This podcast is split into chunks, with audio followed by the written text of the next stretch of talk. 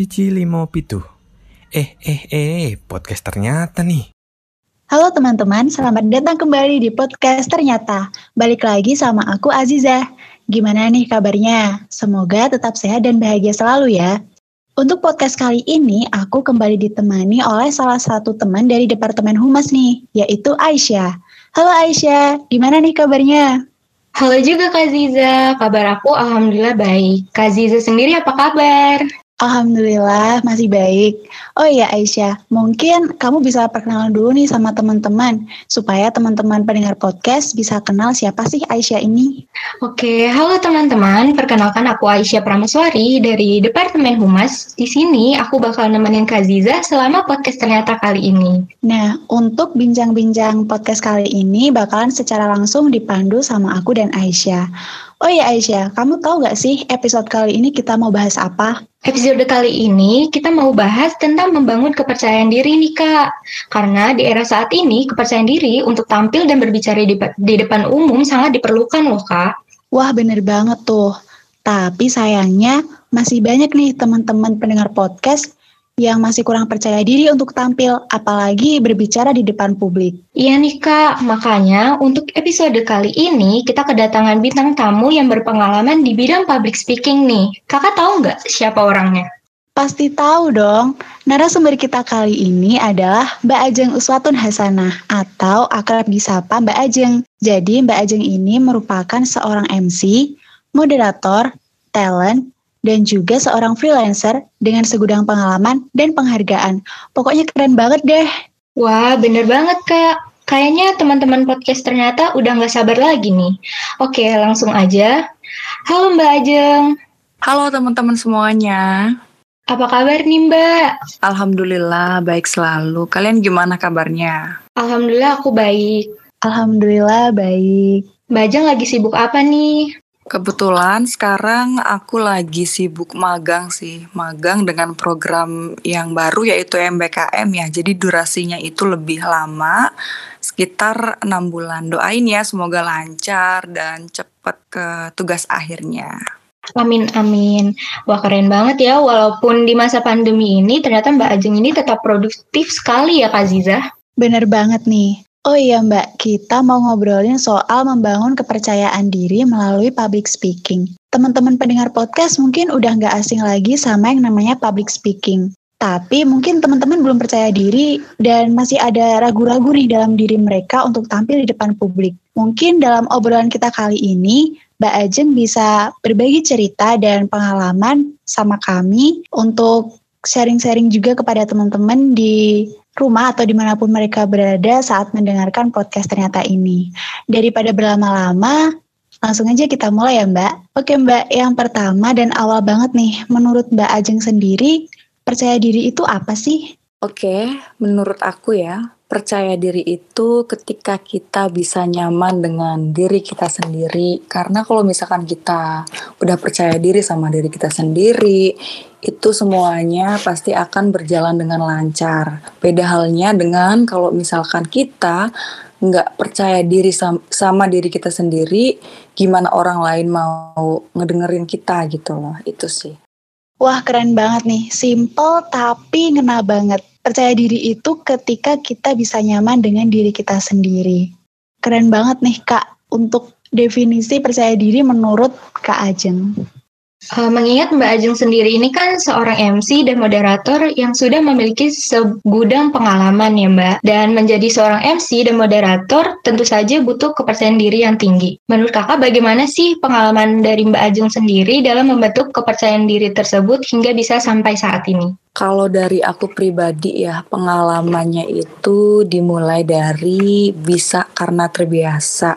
Karena aku dari kecil udah aktif banget. Kayak misalnya aku ikut organisasi pramuka, paskibra, mersing band, osis dan sampai sekarang pun aku masih tetap ikut organisasi. Karena dari organisasi itu kita lebih banyak ketemu sama orang gitu kan.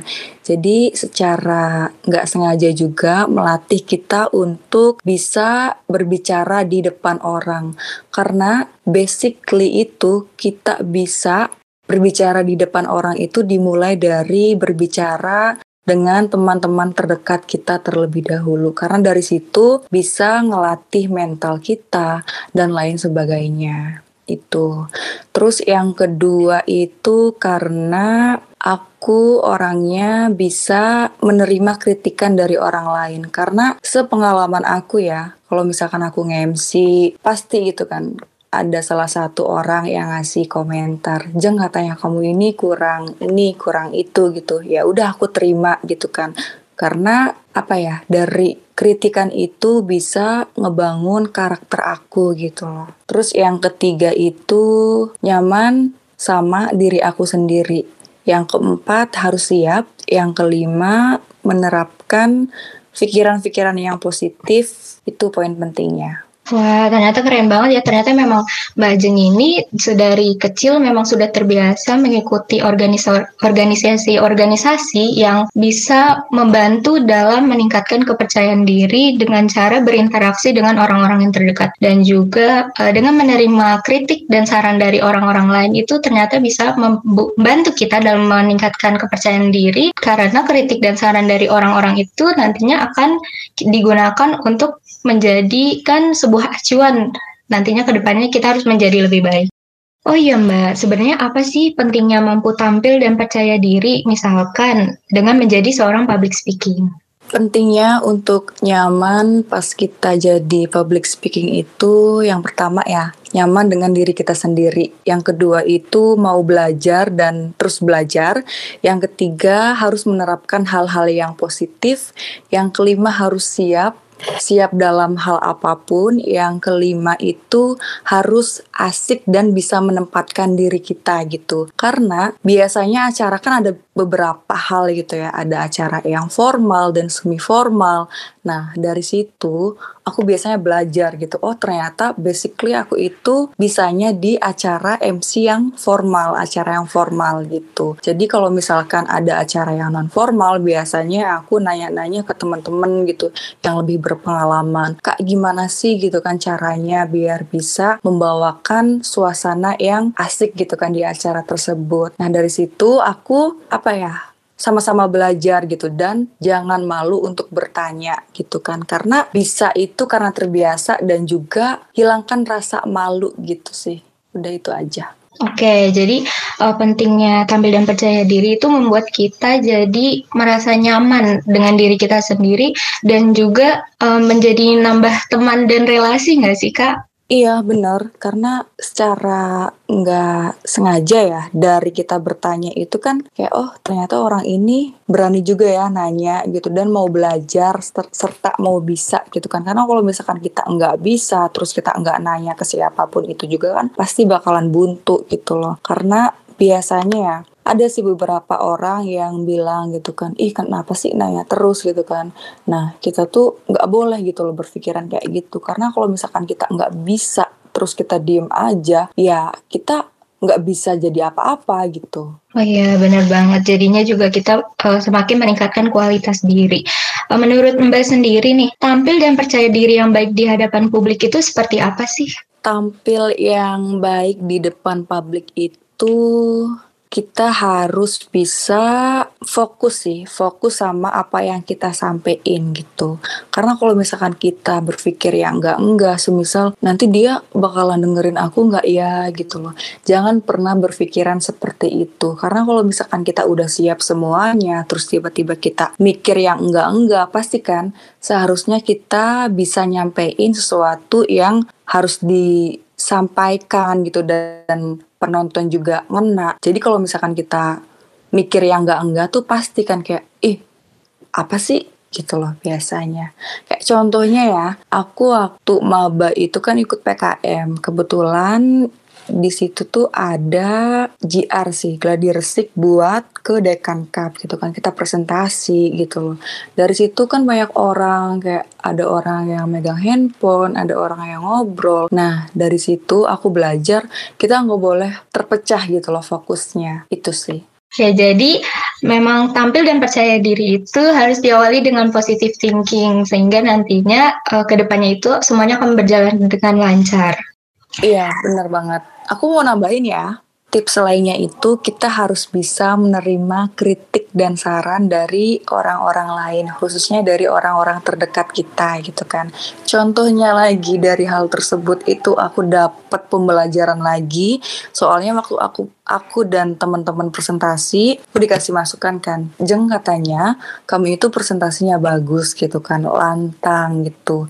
Tapi katanya kamu itu kurang menguasai emosional kamu sendiri itu. Oke sih kamu bisa menyampaikan materi tersebut gitu kan dengan suara kamu yang lantang. Tapi kita yang nontonnya itu jadi kayak ngap-ngapan gitu loh karena kita, karena waktu itu kan aku presentasi uh, teriak-teriak gitu kan bukan teriak-teriak sih tapi dengan nada yang lumayan tinggi karena itu kan di outdoor gitu ya dari situ aku dapat pembelajaran oh ternyata pas kita presentasi juga hal lain yang harus diperhatikan itu harus menguasai emosional kita sendiri gitu loh.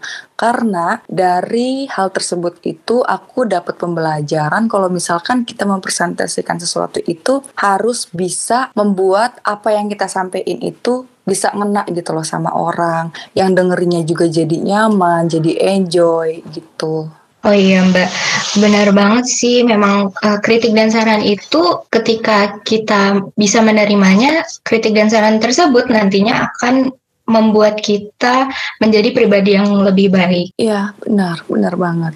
Oke Mbak, untuk yang terakhir nih, mungkin Mbak Ajeng bisa memberikan tips-tips buat para pendengar podcast ternyata, buat mereka yang mau memulai membangun kepercayaan diri mereka. Gimana Mbak? Oke, mungkin tips dari aku ya dan dari pengalaman-pengalaman aku sebelumnya. Yang pertama, tipsnya itu kita harus nyaman dengan diri kita sendiri. Yang kedua, membangun kepercayaan diri. Yang ketiga, harus siap materi, siap mental. Yang keempat, juga harus membangun pikiran-pikiran yang positif. Yang kelima, kita juga harus bisa menguasai emosional kita. Itu. Wah, banyak banget nih tips-tipsnya. Salah satunya tadi adalah membangun hal-hal positif dan juga mempersiapkan diri sebaik mungkin. Keren banget tips-tipsnya. Uh, terakhir nih Mbak, mungkin ada closing statement yang mau disampaikan untuk pendengar kita. Mungkin seperti motivasi mungkin? Dari aku, kalau misalkan kita mau bisa public speaking yang bagus itu harus dimulai dari diri kita sendiri harus menciptakan kenyamanan dan kepercayaan diri pada diri sendiri. Karena kalau misalkan kita udah nyaman dan udah percaya diri sama kita, pasti orang yang mendengarkannya pun pasti bakalan lebih nyaman. Oh, memang ya kalau misalnya ingin memulai sesuatu, semuanya pasti diawali dari diri kita sendiri. Nah itu dia motivasi dari Mbak Ajeng.